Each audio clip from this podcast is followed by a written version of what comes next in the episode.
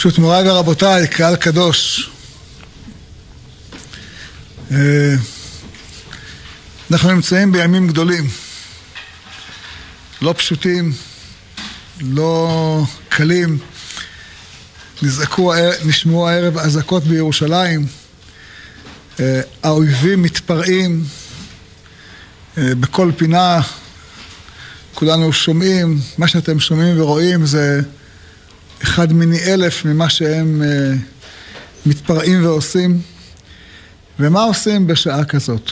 מה, מה אנחנו צריכים בשעה כזאת לעשות?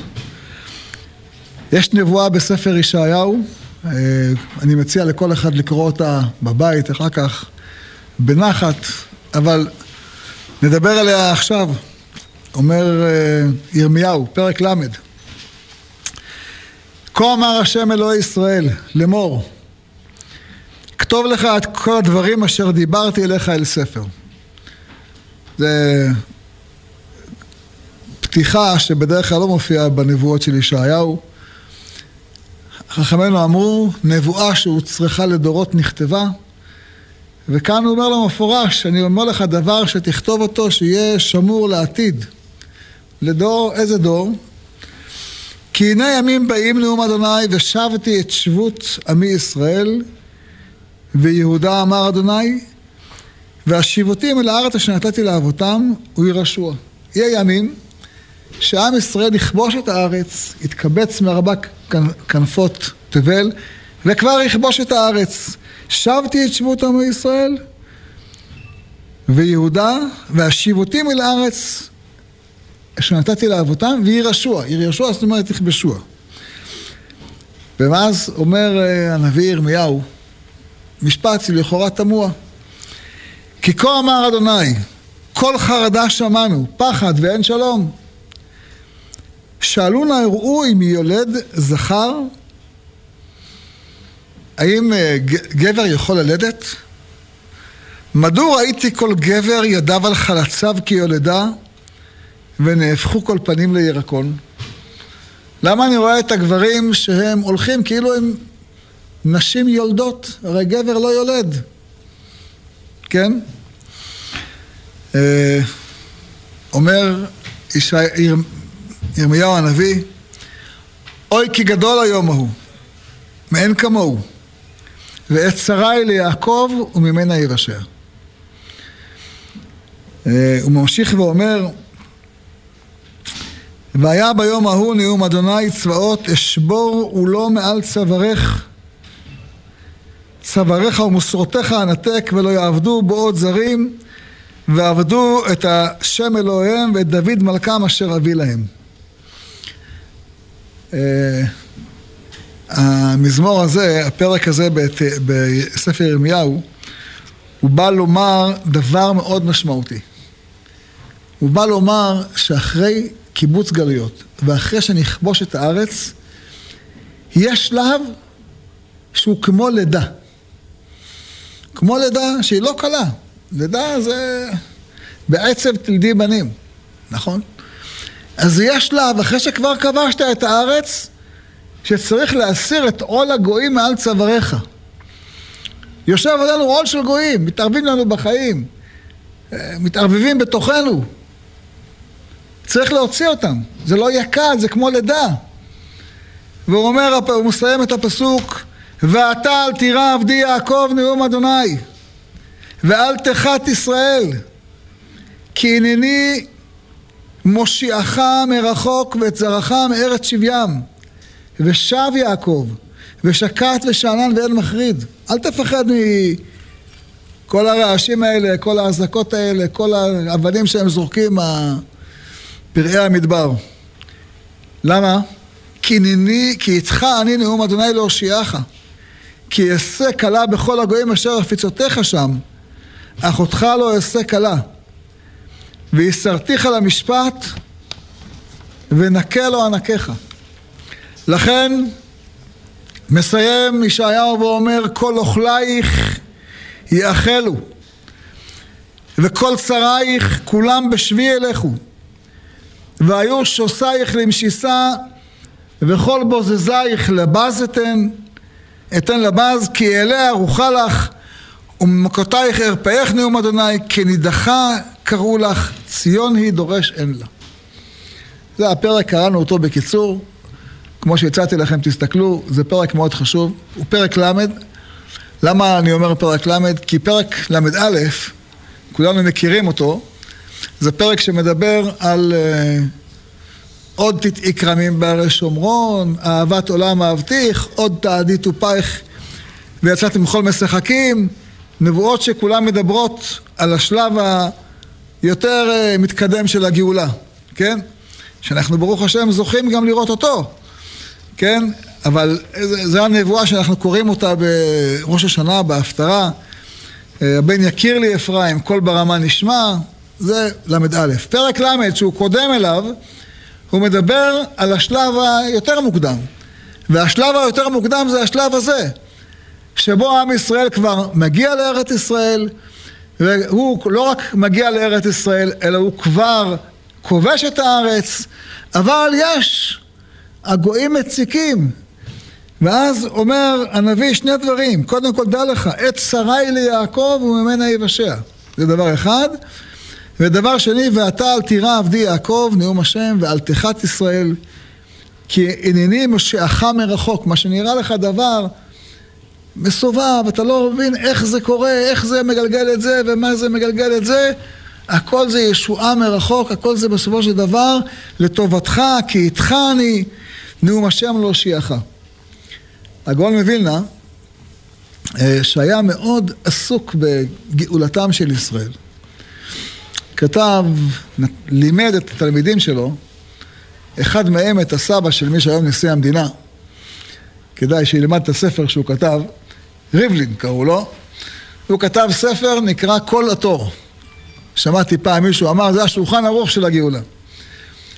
כתב אותו הגאון מווילנה לתלמידים שלו, שהוא שלח אותם לארץ ישראל, שלח אותם לירושלים, שלח אותם לצפת, אה, בתקופה מאוד קשה. לא בתקופה היום, לפני 200 שנה, 250 שנה, תקופה מאוד מורכבת. במקביל לתלמידי הבעל שם טוב, שגם הם מגיעים לארץ ישראל, וגם הם מתמודדים עם קשיים אולי לא נתפסים. מי שקורא את ההקדמה של רבי ישראל, אה, רבי ישראל משקלוב, אה, תלמידו של הגאון מווילנה, על ההתמודדויות שהיו להם בארץ ישראל, לא מאמין שדבר כזה בן אדם יכול לסבול. זה לא, תיאור של קושי גדול, ממש קושי גדול, עד שהם כבר מגיעים לארץ ישראל, מגפות ופרעות, ו... והשלטון שלטון טורקי, הטורקים הם, מה אכפת להם? יושב לו הסולטן באיסטנבול, אכפת לו מה עושים, מה לא עושים. שולטים פה עריצים, אל-ג'זאר היה פה אחד.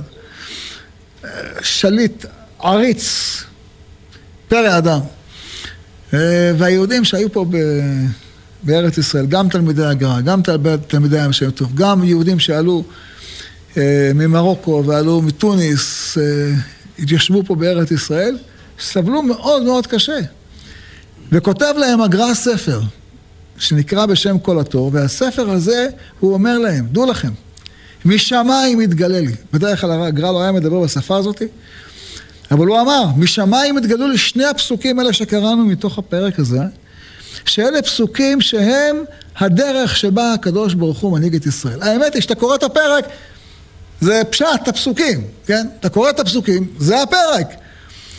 הקדוש ברוך הוא מדבר לירמיהו, אומר, תכתוב את הדברים על ספר, לדור של קיבוץ גלויות, אחרי שכבר יכבשו את הארץ, אל תפחד. צריך להיוולד דבר חדש. אז כן, יש מצב לפעמים שגבר נראה כמו יולדה, כן? אבל אל תפחד, כי גדול היום ההוא, מאין כמוהו, ועת שרי ליעקב וממנה יבשר.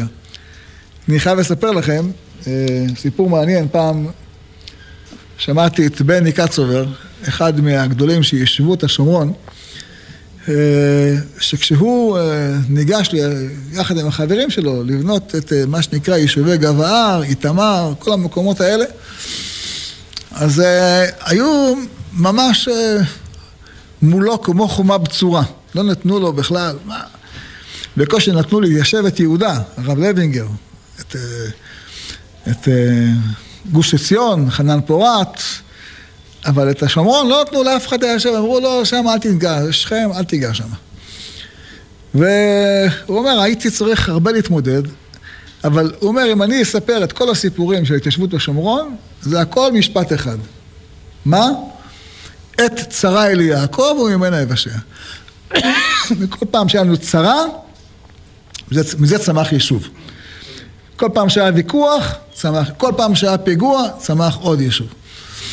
כל פעם שהיה בג"ץ, עוד צמח עוד יישוב. הוא אומר, כל ההתיישבות בשומרון צמחה ממש כעניינים משיעך מרחוק. אתה רואה איזה משהו, אתה לא מבין איך זה קורה, מתהפך בסוף, צומח מזה ברכה. ממש כך, כן?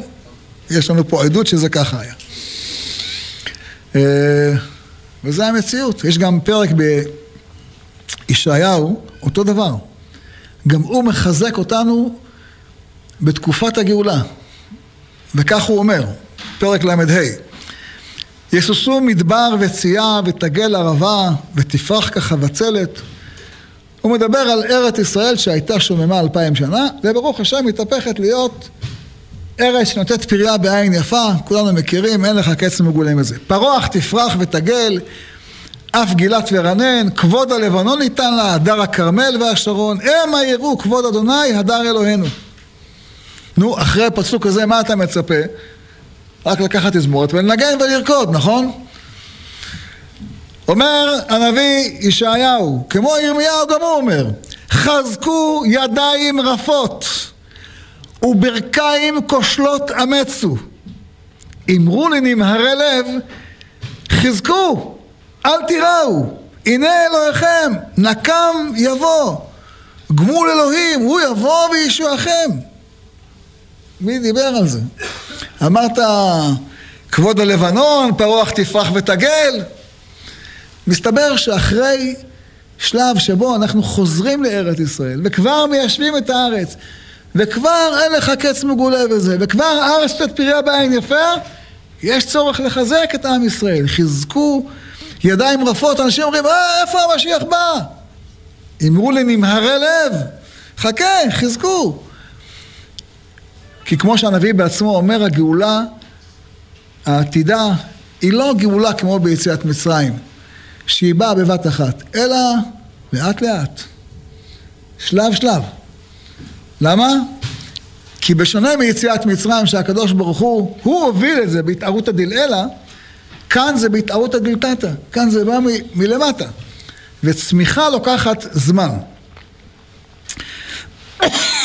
ואז הוא ממשיך ואומר, אז תיפקחנה עיני עיוורים ואוזני חרשים תיפתחנה לא אקרא לכם את כל הנבואה, תראו את זה אחר כך פרק ל"ה.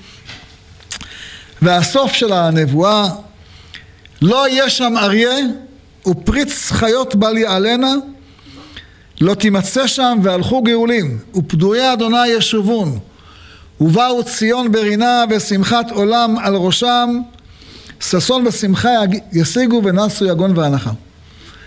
תזכרו טוב את הפסוק הזה ושמחת עולם על ראשם, כי הפסוק הזה הוא מאוד מאוד קשור למה שקורה לנו, שנדבר עליו תכף בימי ספירת העומר ושבועות, אבל עוד מעט.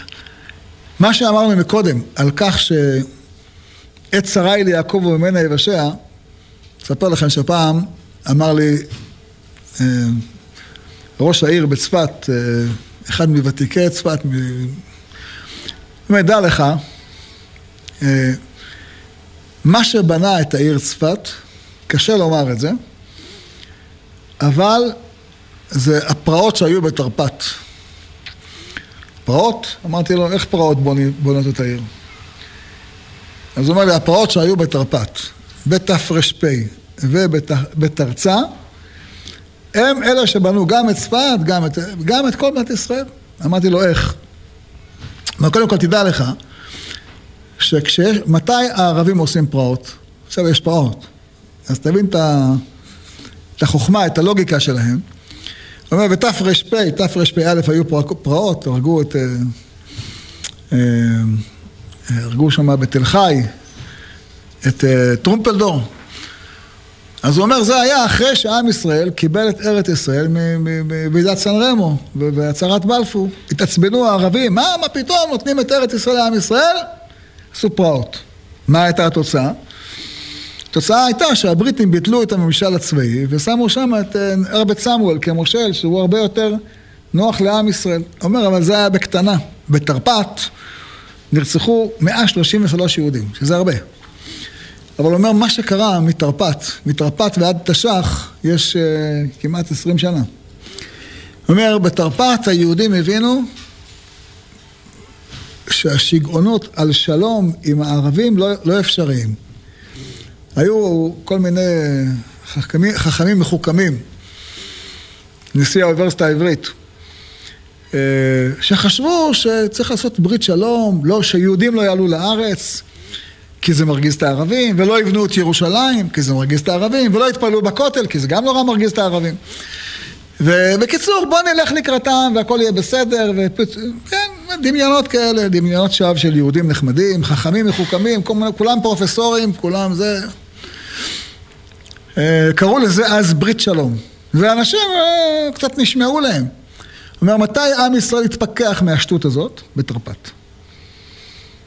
התפכח, ומאז אה, התחילו לקנות נשק ולשים אותו בכל מיני סליקים. פה סליק פה, סליק שם, בכל מקום, גם בצבת, התחילו, הבינו, מתר, בתרפ"ט הבינו. יום אחד הבריטים יעזבו, יום אחד תהיה פה מלחמה, לא ילך בנוח עם הערבים. אלה, אני שלום וכי אדבר הם על המלחמה. הוא אומר, מתי התפכחנו? בתרפ"ט. וכשהגיעה המלחמה בתש"ח היינו מוכנים. אילו לא שהיה פרעות תרפ"ט, היו תופסים אותנו לא מוכנים.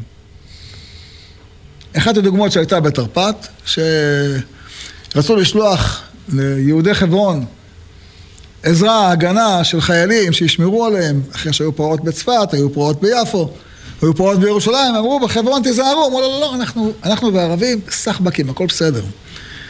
הכי טוב, אנחנו, הרופאים שלהם זה אנחנו, המילדות זה היהודיות, כל ה... אנחנו מחיים אותם, הם לא ירימו עלינו יד.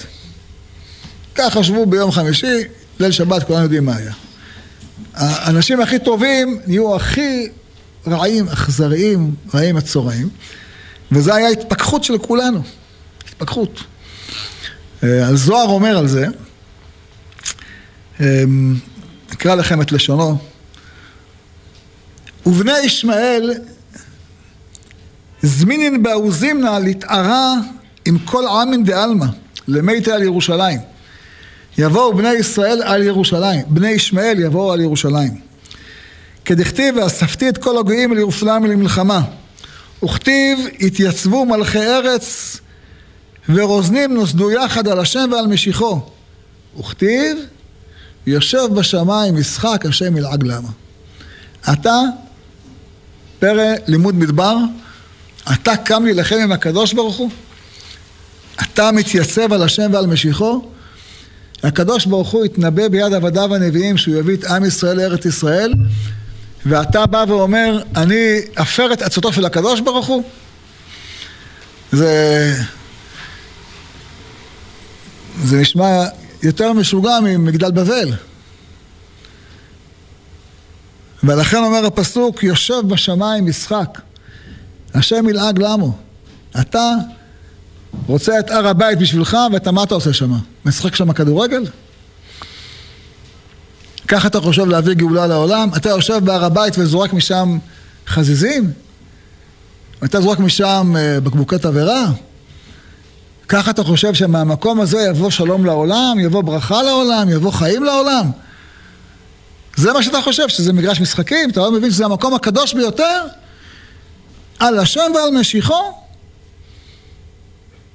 אתה קם על השם ועל משיחו? ואתה עוד צועק אלוקים גדול? שהרי אין לך לא תישא את שם השם אלוקיך לשווא יותר מהחוצפה הזאת. לכן כתוב, יושב בשמיים משחק השם ילעג למו. אומר הקדוש ברוך הוא, אני לא עוזב אתכם, אני איתכם, איתך אני, אל, תח... אל תחת ישראל, כי עמך אני להושיעך.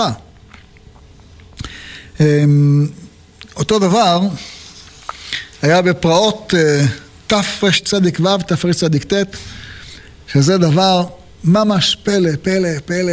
אני אומר לכם, לקראת השיעור קצת למדתי, מה שלא שמתי לזה לב בעבר. אה, מה קרה בפרעות האלה? פרעות תרצ"ת, תרצו תרצ"ת, 39, 30, פרעות 39. זה היו פרעות מאוד קשות, נהרגו בהם 400 יהודים. אבל כנגדם נהרגו 5,000 ערבים. עכשיו, מי הרג את הערבים?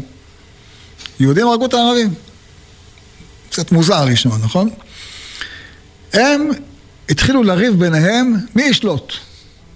הערבים ביניהם, זה הורג את זה, ההוא הורג את השני. כמו שאנחנו מכירים היום, נכון? כל יומיים ערבי רוצח ערבי. אז שם היה יותר. בתקופה של שלוש שנים, חמשת אלפים ערבים נרצחו, אחד רוצח את השני. אמר שם אחד מהם, אה, נששיבי, היה המתנגד של אמין אל-חוסייני, שעוד חמישים שנה הם ינקמו נקמת דם על מה שהיה בפרעות האלה. כי ככה זה אצלם, כן? מצווה גוררת מצווה, ועבירה גוררת עבירה. לא תשכח, כן? לא תשכח. אז אה, זה מה שהם עושים, זה, הוא, אומר מה שהם הרגו אחד את השני. אנחנו חשבנו שהפרעות האלה, השם ירחם, 400 יהודים, מי, מי, מי ייתן תמורתם? אבל בסופו של דבר, גם מזה נאמר, עת שרה אל יעקב וממנה יבשע. מכיוון שמה שקרה באותה שעה, הערבים הבינו שאם ישלטו פה האלה, אל-חוסייני, מי שיסבול זה הם. וזה אחת הסיבות שבזמן שהתחילה פה המלחמה כולם ברחו. ברחו מהארץ אה, למעלה מחצי מיליון ערבים, למה? כי בשנים של קודם לכן הם ראו את נחת הזרוע של, ה... של האחים שלהם, אמרו, הכי טוב לברוח מפה. אלה הכי מסוכנים, אלה הכי רעים. הכי רעים מצורעים, כמו שאנחנו מכירים אותם עכשיו. אין יותר רעים מהם. הכי רעים זה פה. וגם עכשיו. למה כל זה קורה? למה כל הפרעות האלה אז קרו? אז זה קרה, מכיוון שיהודים הגיעו, הגיעו, הגיעו לארץ. בתקופה ההיא היו בארץ כמעט חצי, 400 אלף יהודים. וזה שיגע אותם, עם ישראל מצליח, עם ישראל מתפתח, 400 אלף יהודים זה כלכלה חזקה, זה מפעלים, זה יישובים, היו קונים קרקעות מהערבים, והם השתגעו. באו, התחילו הפרעות בגרמניה, יהודים עלו לארץ, ב-33 פרעות, עלה היטלר, יהודים עלו לארץ, 400 אלף יהודים היו בארץ ישראל, הערבים התחילו להבין, ואז התחילו הפרעות שלהם. מה התוצאה? שהם הרגו אחד את השני. אותו דבר פה. כל הפרעות של עכשיו זה כי עם ישראל מצליח. והם נכשלים. בלבנון לא נשאר מהם כלום. בסוריה לא נשאר בהם כלום. בעזה מקבצים כאוס, חצי לא, חצי מובטלים, חצי מקבצי נדבות. ברשות הפלסטינאית אותו דבר, הקורונה מכה בהם. בירדן יש מרד, במצרים יש אה, כלכלה מתרסקת. כל העולם הערבי מתרסק. ועם ישראל עולה וצומח. ממש המלאה ערבה. אז הם עושים פרעות, הם חושבים שזה ישנה את המציאות. הם לא מבינים שהקדוש הוא יושב בשמיים, משחק השם ילעג לנו. הזכרנו מקודם את הפסוק שאומר הנביא ישעיהו, אה, פדויי השם ישובון ובאו ציון ברינה ושמחת עולם על ראשם. את הפסוק הזה מזכירה הגמרא בהקשר לחג השבועות. שבוע הבא חג השבועות, אז נלמד. גמרת הגמרא, גמרא שכולנו מכירים אותה עוד מהגנון, אה, שדרש רבי סימאי, בשעה שהקדימו ישראל נעשה לנשמע, כתוב באו שישים ריבו מלאכי השרת לכל אחד ואחד מישראל וקשרו לו שני כתרים. אחד כנגד נעשה, אחד כנגד נשמע, כולנו מכירים. כיוון שחטאו ישראל, ירדו מאה ועשרים ריבו מלאכי חבלה ופירקו שני... שנאמר והתנצלו בני ישראל את עדיים מהר חורב. עדיים, עדיים זה תכשיטם, התכשיטים, כן? התכשיטים האלה הם אה, פירקו אותם מהם. אה, והגמרא אומרת, וכולם זכה משה ונטלם.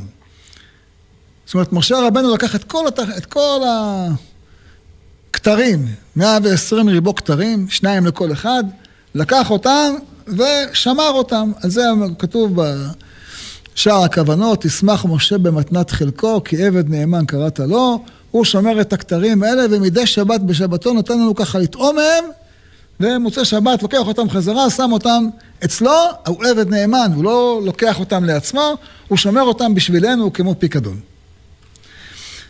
אמר יש לקיש ועתיד הקדוש ברוך הוא להחזיר לנו. שנאמר, מה הפסוק שמוכיח מכאן שעתידים הכתרים לחזור? זה הפסוק שאומר, ופדויי השם ישובון ובאו ציון ברינה ושמחת עולם על ראשם, ששון ושמחה ישיגו ונסו יגון והנחה. אומרת הגמרא, מה זה שמחת עולם? שמחה שכבר הייתה להם פעם. שמחה שהייתה מעולם, שהייתה במעמד הר סיני, היא תחזור על ראשם. זאת אומרת, הכתרים יחזרו על ראשם. אז הכתרים האלה הם קשורים לציון, הם קשורים לקיבוץ גלויות, הם קשורים לירושלים, הם קשורים לשמחה, והם חוזרים כשאנחנו מגיעים לקיבוץ גלויות והם מגיעים לירושלים. מה זה הכתרים האלה? שצ... מה, מה זה הכתרים האלה? אז יש אה, רש"י שאומר על הפסוק, אה, ויתן על משה ככלותו לדבר איתו בהר סיני שני לוחות העדות, לוחות אבן וכולי. רש"י אומר ככלותו, כלתו כתיב, כמו כלה. מביא פה שני פירושים, הפירוש השני, מה כלה מתקשטת ב-24 קישוטים האמורים בספר ישעיהו, אף תלמיד חכם צריך להיות בקיא ב-24 ספרים. 24 ספרים, הכוונה ספרי התנ"ך, וזה הלכה למעשה, כך כתוב גם בשולחן ערוך. כן? בישעיהו כתוב, שם כתוב דווקא בהפוך, שם כתוב שיסיר השם את תפארת האכסים והשביסים והסהרונים, הנטיפות והשירות והרעלות, הפערים והצדעות, ויש שם 24 תכשיטים. שאומר הנביא ישעיהו, קיבלתם 24 תכשיטים, לא השתמשת, לא התנהגתם נכון, לוקחים לכם אותם. הם מתהפכים עליכם. אותו דבר אומר הנביא יחזקאל, אה, ואעבור עלייך ואראך בהתבססת בדמייך ואומר לך בדמייך חיי, שם מתואר הגאולה של עם ישראל כמו מישהו שרואה תינוקת שזרקו אותה, ההורים שלה זרקו אותה, הסופית. ואז הוא לוקח אותה, שוטף אותה, רוחץ אותה, את התינוקת הזאתי, ו... אה, ואשבה לך, ואבוא בברית אותך, וארחצך במים, ואשטוף דמייך מעלייך, ואסוכך בשמן, ואלבישך רקמה, ואנעלך תחש, ואכבשך בשש, ואכסך משי, ואעדך עדי, עד ים, כן? עדי. ואתנה צמידים על ידייך ורביד על גרונך, ואתנזם על אפך, ועגלים על אוזנייך, ועטרת תפארת בראשך, כתר. כן? הוא ממשיך ואומר שהלבושים האלה זה לא רק ל... שלא יהיה קר, אלא הם בגדי מלוכה. ותעדי זהב הכסף ומלבושך שש ומשי ורקמה, סולת ודבש ושמן אכלת, ותיפי במאוד מאוד ותצליחי למלוכה. כתרים. יש פה שני כתרים ו-24 תכשיטים. שהם תכשיטי מלוכה, כמו שיוסף יוצא על מצרים, מלבישים אותו בגדי מלוכה, כן? נותנים כתר על ראשו, כמו מרדכי היהודי שמלבישים אותו בגדי מלוכה, כמו אסתר מלבישים אותו בגדי מלוכה, כך עם ישראל במעמד הר סיני זוכה למלוכה. בי מלכים ימלוכו. התורה נותנת לעם ישראל כתר, כתר מלכות. וכיוון שחטאו ישראל ברגל, נלקח מאיתם כתר המלכות. יש להם תורה, לוחות שניות, אין להם את כתר המלכות. יש תורה כזאת שהיא בלי כתר מלוכה. אבל זה לא התורה שאלוקים נתן לנו. לכן הוא אומר, אתם עוד תחזרו לירושלים, תקבלו מלוכה כמו בזמן דוד המלך. יהיה לכם גם תורה וגם מלכות. לכן אנחנו בספירת העומר סופרים, יש לנו שבוע של חסד, גבורה, השבוע האחרון זה מלכות, היום האחרון לפני חג השבועות זה מלכות שבמלכות. לומר לך, ההכנה לספירת העומר היא לא רק הכנה לכך שתקבל את התורה, כי תורה קיבלנו בו לוחות שניות. אם אנחנו רוצים להחזיר את העטרה של הלוחות הראשונות, אנחנו צריכים גם להגיע למלכות שבמלכות, לדוד המלך, שהיום שלו כמובן זה חג השבועות. אז כל הספירה היא באה להחזיר לנו את שמחת עולם על ראשם. זאת המטרה. לכן, אומר יחזקאל בהמשך הפרק, אחרי שקיבלנו את היופי ואת החוכמה ואת הפיקחות ואת הכתרי מלוכה, המשך הפרק שם הוא מאוד כואב. איך כנסת ישראל לוקחת את כל התכשיטים האלה ועובדת עבודה זרה. ואז הקדוש ברוך הוא לוקח לה את התכשיטים שמתהפכים לה. אה, כותב על זה אחד מגאוני אשכנז, בעל המגלה העמוקות, גאון אדיר, איש פלא. אה, הרב שפירא קראו לו, ממש פלא פלאים, פלא פלאים. מי שקורא פעם את הספר שלו, זה מדהים לראות את הגאונות, את הגאונות, את הקדושה, את הצדיקות, איש פלא היה, איש פלא. והוא מביא על זה, אומר, כתוב בזוהר, שהקדוש ברוך הוא נתן לחווה 24 תכשיטים. וזה רמוז אה, בפסוק שכתוב שהקדוש ברוך הוא לוקח את חווה, בונה אותה, ויבן השם אלוקים את הצלע, ויביאה אל האדם, ויביאה, וי"ב א' ה', בגימטיה 24. ואחרי שחטאו בחטא אה, הנחש, חטא עץ הדעת, אז זה התהפך.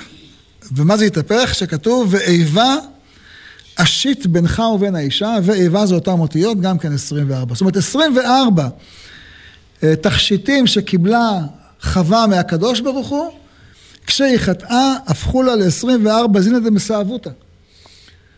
24 כתרי טומאה.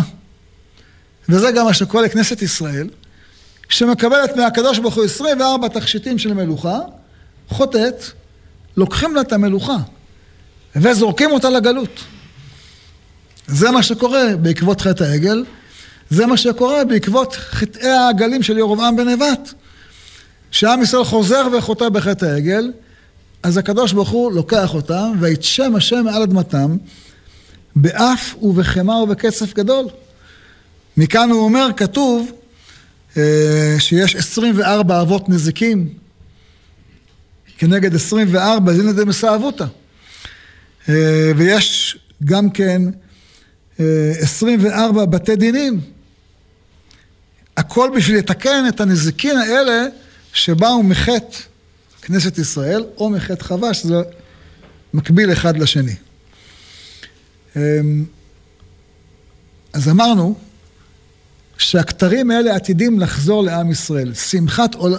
ופדויי השם ישיבון ובאו ציון ברינה וכשמגיעים לציון, אז שמחת עולם על ראשם. כשמגיעים לירושלים, אז שמחת עולם על ראשם. אז תראו דבר מאוד מעניין, כמה בגדים יש לציון. אומרת, אומרים חכמינו במדרש, באיכה רבה, איכה ישבה בדד, העיר רבתי עם. תנא, רבי שמואל, 24 פלטיות היו בירושלים, וכל פלטייה ופלטייה, פלטייה זה הכוונה רחוב ראשי, 24 מבואות, וכל מבוא ומבוא 24 שווקים, וכל שוק ושוק 24 שקקים, שוק קטן, וכל שקק ושקק 24 חצרות, ועל כל חצר וחצר 24 בתים. אז המספר הזה 24, זה המספר המדויק שהיה, או שהמדרש בא לומר לנו איזשהו תוכן פנימי, שאומר שלירושלים יש 24 תכשיטים. לא רק לעם ישראל יש 24 תכשיטים, לא רק לחווה היה 24, לא רק לכנסת ישראל כמו שמתואר בישעיהו וביחזקאל, אלא גם לציון היו, הייתה תקופה שהיא הייתה עשרה קבין של יופי ירדו לעולם, תשעה נטלה ירושלים ואחד כל העולם כולו. וזה מתבטא ב-24 מבואות, פלטיות, מבואות, שקקים, שווקים וכולי, כמו שקראנו עכשיו במדרש. ולכן, כתוב שדוד המלך אמ, תיקן לנצח על מלאכת בית השם 24 אלף מנגנים. לא במקרה. וגם כששלמה המלך רצה לפתוח את השערים של בית המקדש, כתוב, כולנו מכירים, הגמרא מסכת שבת, אה, כשבא שלמה להכניס את הארון לקודש הקודשים, דפקו שערים זה בזה, ואז מה הוא אומר? 24 רננות. עד שאמר, שאו שערים ראשיכם וינשאו פתחי עולם. כולנו מכירים את הגמרא. למה 24? שוב, כי יש 24 תכשיטים לירושלים. אתה, שלמה, רוצה את, אה, אה, את נויו של עולם להיכנס אליו? אתה רוצה לבית המקדש להיכנס? זה אלי וענווהו? אתה צריך לדעת שיש פה 24 מדרגות שצריך לתקן אחרי חטא העגל. לכן הוא אומר 24 רננות לפני שנפתחים השערים אה, של בית המקדש. אה, ושוב כותב בעל המגלה עמוקות שהזכרנו קודם, אומר, אתה מסתכל בתפילה של שלמה המלך, האומנם ישב אל אלוהים את האדם על הארץ, הנה השמיים ושמי השמיים לא יכלכלוך אף כי הבית הזה. הוא מסיים, השם אלוקים אל תשב פני משיחך, זוכרה לחסדי דוד עבדיך, שהגמרא אומרת שזה מה שפתח את השערים, כן? הוא אומר, אם אתה סופר, יש שם 24 פסוקים. למה 24? זה לא מקרי. המספר הזה הוא לא מקרי. וזה גם כן רמוז בפסוק, אה, שוב בישעיהו, ענייה סוערה לא נוחמה, הנה אני מרביץ בפוך אבנייך, ויסדתיך בספירים ושמתי חדקוד שמשותייך. אז אומר הבן איש חי, יש פה 24 ו-24, כ"ד וכ"ד, חדקות שמשותייך. אה, כנגד ה-24 מעלות של ירושלים של מטה, שהן מקבילות ל-24 מעלות של ירושלים של מעלה. ולכן בספר דברי הימים כתוב דוד, אז כתוב דוד עם ו', שזה בגימטריה 24, לרמז על 24 מדרגות מעלות של ירושלים. כן? אז אנחנו בליל שבועות קוראים את התיקון ליל שבועות, שמי שיקרא את הלשם ייחוד שכותב אותו הבעל הבן איש חי, גאונו זונו ותפארתנו, הוא אומר, כל תפקידנו זה להביא 24 תכשיטים לכלה לכנסת ישראל. איך עושים את זה? באמצעות 24 ספרים. מה זה 24 ספרים? 24 ספרי התנ"ך. איך 24 ספרי התנ"ך מביאים את 24 התכשיטים? שזה מה שרש"י אומר, מה שקראנו מקודם. שכל תלמיד חכם צריך להיות בקיא ב-24 ספרים, ככלותו, מה הקלה יש ל-24 תכשיטים, אף תלמיד חכם צריך להיות בקיא ב-24... איך 24 ספרי תנ"ך הם אלה שעוזרים לנו לקשט את הקלה ב-24 תכשיטים? פשוט. כי מי שלא לומד את הדברים של ישעיהו וירמיהו ויחזקאל, יכול לחשוב בטעותו שאם הוא יגור בצרפת, זה גם בסדר. האוכל כשר, יש לו בית כנסת, יש לו כולל, הוא מניח שתי זוגות תפילין, והכל מצוין. יכול לגור בניו יורק, אמר לי פעם, היה איזה מישהו, הייתי פעם בניו יורק, אמרתי שם לאיזה ראש כולל, למה אתה לא עולה לארץ? מצוות עשה מן התורה? אמר לי, מה חסר לי פה? הכל יש לי. יש לי כולל, אני יושב, לומד, ברוך השם, מתפלל בנץ, גן עדן. אמרתי, לא.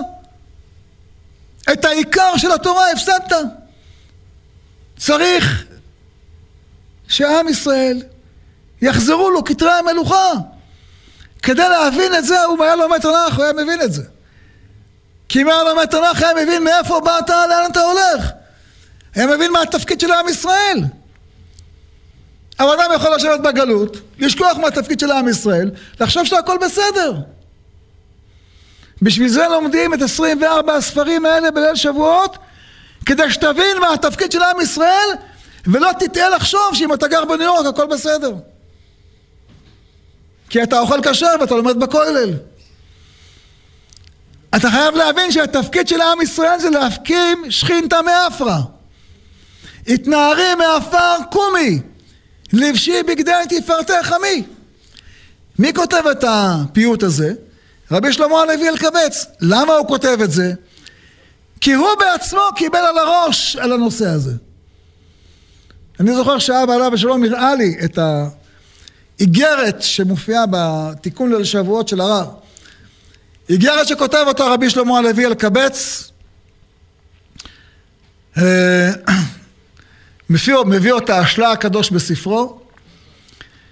מה זו האיגרת הזאת? יושב לו רבי יוסף קארו בטורקיה, או ליד טורקיה, בגלות. אחרי שגירשו אותו עם בני ביתו מספרד, הולכים לפורטוגל. מפורטוגל, לא יודע לאיפה הוא הלך, אומרים שמעתי שהלך למרוקו, ממרוקו מגיע לטורקיה, יושב ולומד תורה. מבסוט. רבי יוסף קארו לומד תורה, מה? מי יכול להשתוות לתורה שלו? לגאונות שלו? לקדושה שלו? ליראת שמיים שלו? ליל שבועות יושב ולומד את הספרים האלה ובאמצע הלילה מגיע המגיד אומר לו מה אתה עושה פה, ב... מה אתה עושה פה בטורקיה? אתה יושב לומד תורה ואני השכינה באפר לקחו לי את הכתרים לקחו את השיטים בגללכם. בסיבתכם אני מושלכת בעפר. ככה, במילים האלה. אז הוא אומר, מה אתה רוצה שנעשה? תקומו, תעלו לארץ ישראל. תחזירו את המלכות לעם ישראל. הוא אומר אה, אני יכול? הוא אומר לו, כן, אתה יכול, תתחיל. אין מעצור להשם להושיע ברב ובמעט.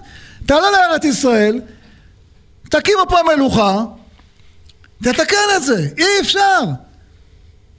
כשעם ישראל בגלות, השכינה באפר, אם הייתם משערים, הוא אומר לו. אחד מאלף אלפי אלפים ורוב ריבי רבבות מהצער שאני שרויה בו בגללכם, לא היה עולה שחוק על פיכם.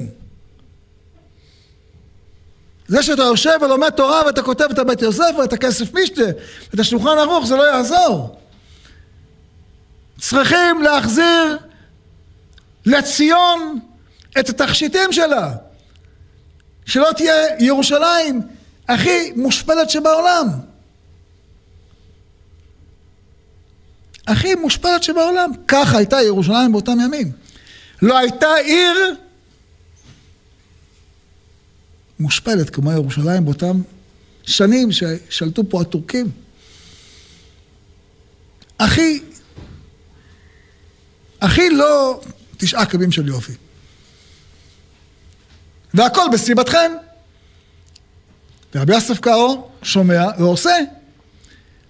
עוזב את מרכזי התורה שהיו בגלות, עולה לארץ ישראל, ופה מקים מחדש, אחרי אלפיים שנה, את בתי המדרש, את בתי הדין, מחדשים את השמיכה יחד עם הארי ברב, יחד עם הארי הקדוש, יחד עם הרם אלשיך, יחד עם הרדב"ז.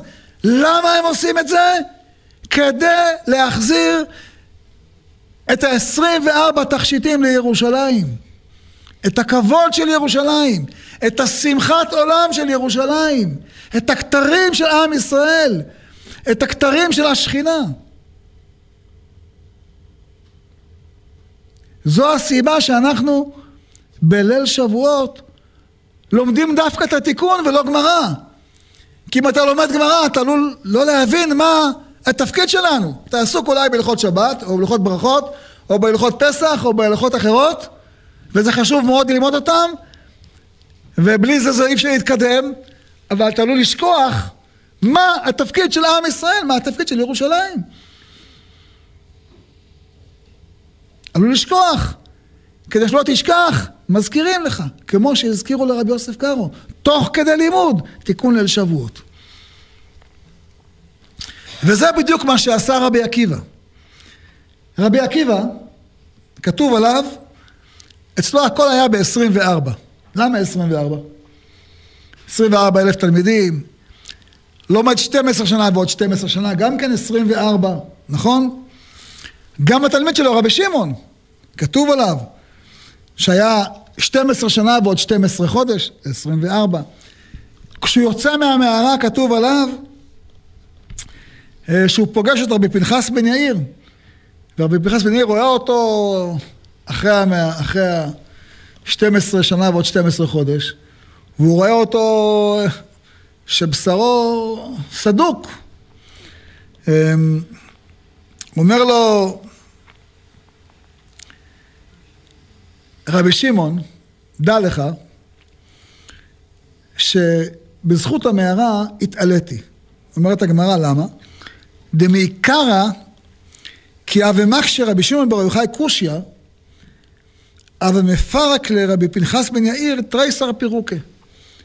כשהיה מקשה רבי שמעון בר יוחאי קושיא, היה מתרץ רבי פנחס בן יאיר 12 תירוצים. לסוף, אחרי שהוא היה במערה, כי אבי מקשה רבי פנחס בן יאיר קושיא, כשרבי פנחס בן יאיר היה מקשה קושיא, היה מתרץ לו רבי שמעון בר יוחאי 24 פירוקה, 24 תירוצים. זאת אומרת, רשב"י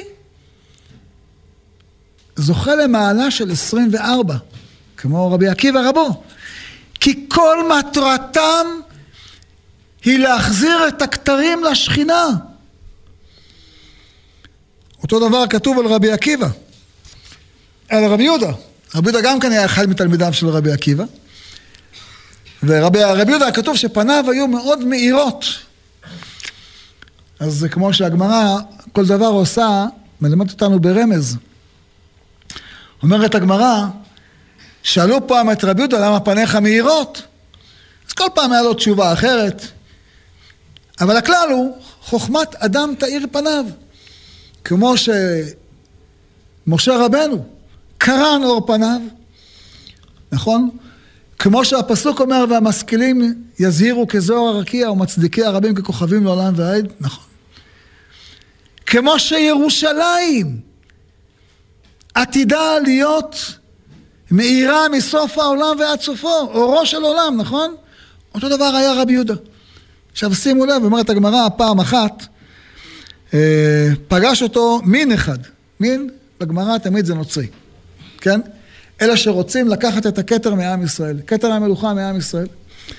אמר לו לרבי יהודה, פניך דומים, בושה לקרוא, כן? או כמלווה בריבית, או כמגדלי חזירים. רצה להעליב אותו. למה? אתה נראה כזה מדושן, עונג, והוא היה עני רבי יהודה.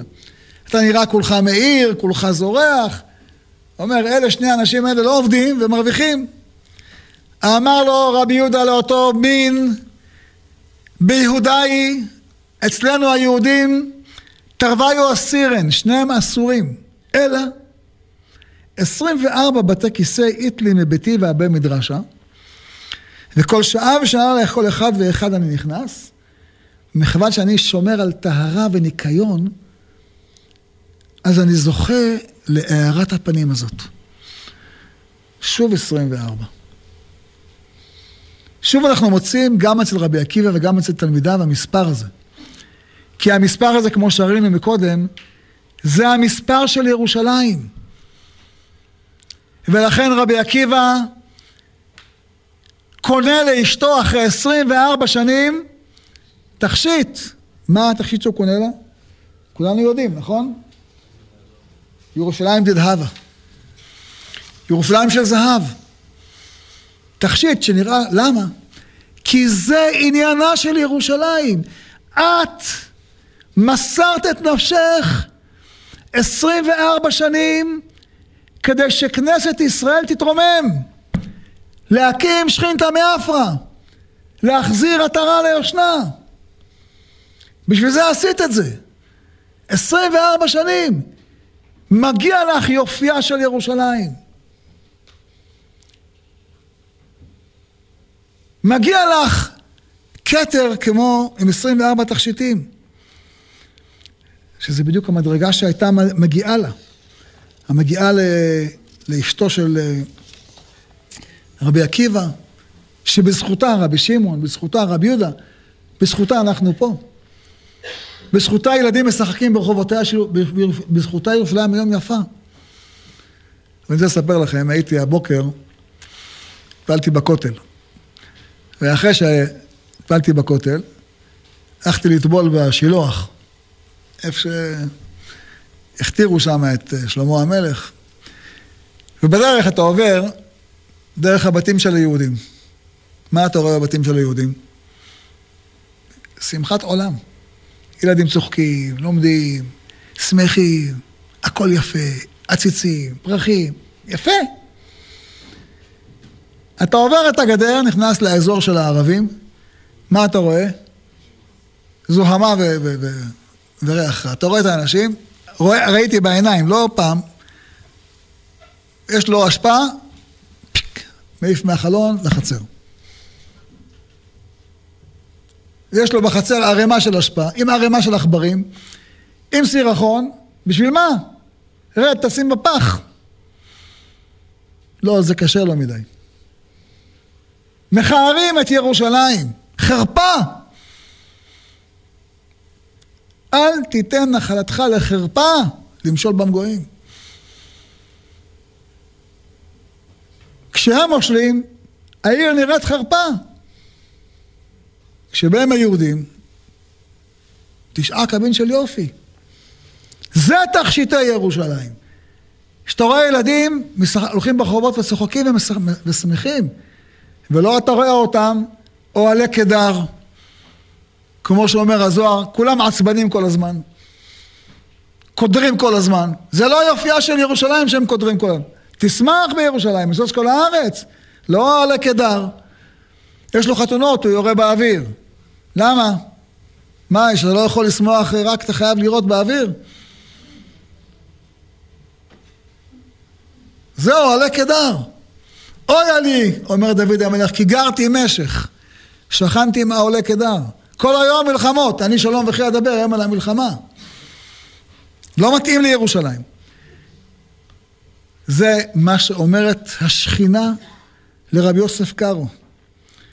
אומר, כשהיא פונה אליהם, מתגלית השכינה לרבי שלמה הלוי אלקבץ ולרבי יוסף קארו, הוא אומר היא אומרת להם, שמעו ידידיי המהדרין מן המהדרין, ידידיי, אוהביי, שלום לכם, אשריכם ואשר אלותיכם, אשר זה כמה שנים נפלה עטרת ראשי, ואין מנחם לי, ואני מושלכת באפר חובקת אשפתות, ועתה החזרתם עטרה ליושנה. אתם מחזירים את הכתר למקום שלו. במקום שהכתר יהיה על הראש של השפחה, במקום שהכתר יהיה אצל רומא, במקום שהכתר ילכו אותו מלכי הישמעאלים, מחזירים את הכתר למלכה האמיתית. מי מחזיר את הכתר למלכה האמיתית? רבי יוסף קארו, רבי שלמה הלוי אלקבץ, כל הצדיקים שהיו איתם, באיך הם מחזירים אותו? שהם עולים לארץ ישראל, ובתהליך. אנחנו חוזרים גם לירושלים, ובתהליך.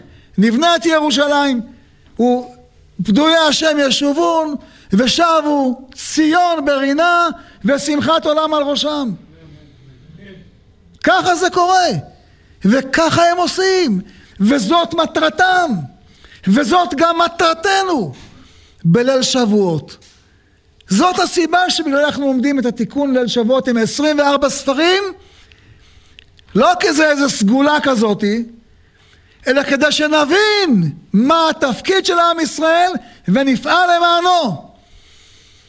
שלא נשב לנו בלונדון ונקרא את התיקון הזה ככה כ... מצוות אנשים מלומדה, ונגיד הנה, תיקנו 24 כתרים לכנסת ישראל. לא חביבי, לא תיקנת שום 24 כתרים.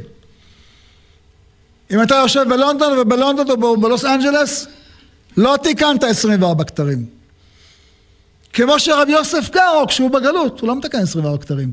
כשהוא עולה, אז הוא מתקן. תעלה, תקרא מה כתוב ב-24 ספרים ותעשה אותם.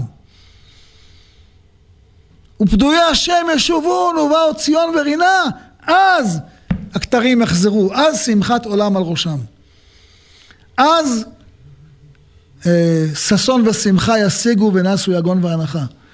אבל כשאנחנו בגלות, הוא אומר, הצער שאתם גורמים לי, אם הייתם משערים אחד מאלף אלפי אלפים ורוב ריבי רבבות, אחד חלקי מיליארד, אם היית משער, לא היית יכול לצחוק. מרוב הצער שאתה גורם לשכינה כשאתה נמצא בחוץ לארץ. אז מי רוצה לצייר את השכינה? מי רוצה לצייר את השכינה? מי יכול להישאר עוד רגע אחד בחוץ לארץ? מי יכול עוד שנייה אחת להישאר שם? עם זה שאתה נשאר שם אתה מצייר את השכינה. מה תגיד לו הגיע הזמן? הגיע הזמן כבר אצל רבי יוסף קארו. לפני 450 שנה כבר הגיע הזמן. אז למה אתה מחכה? זה בדיוק התפקיד של מה שאנחנו קוראים את התיקון ליל שבועות. אתה קורא את כל התנ"ך במהרה, כדי שתבין, לא רק שתזכור את השלוש פסוקים בהתחלה, שלוש פסוקים בסוף, אלא שבין לבין תתבונן מה כתוב באמצע. תזכיר לעצמך. כאילו אתה עובר על כל התנ"ך במהרה, מקצה לקצה, כדי שתבין מה היה, מה הווה ומה יהיה. מאין באנו ומה מטרתנו. ולא נגיד אני דואג לעולם הבא שלי, הכל יהיה בסדר. לא חביבי. המטרה שלך לא לדאוג לעולם הבא שלך. המטרה שלך זה להקים שכינתא מאפרה. זה השליחות שלך. ו- ולכן, אמ, אומר המגיד לרבי יוסף קארו באותו תיקון ליל שבועות,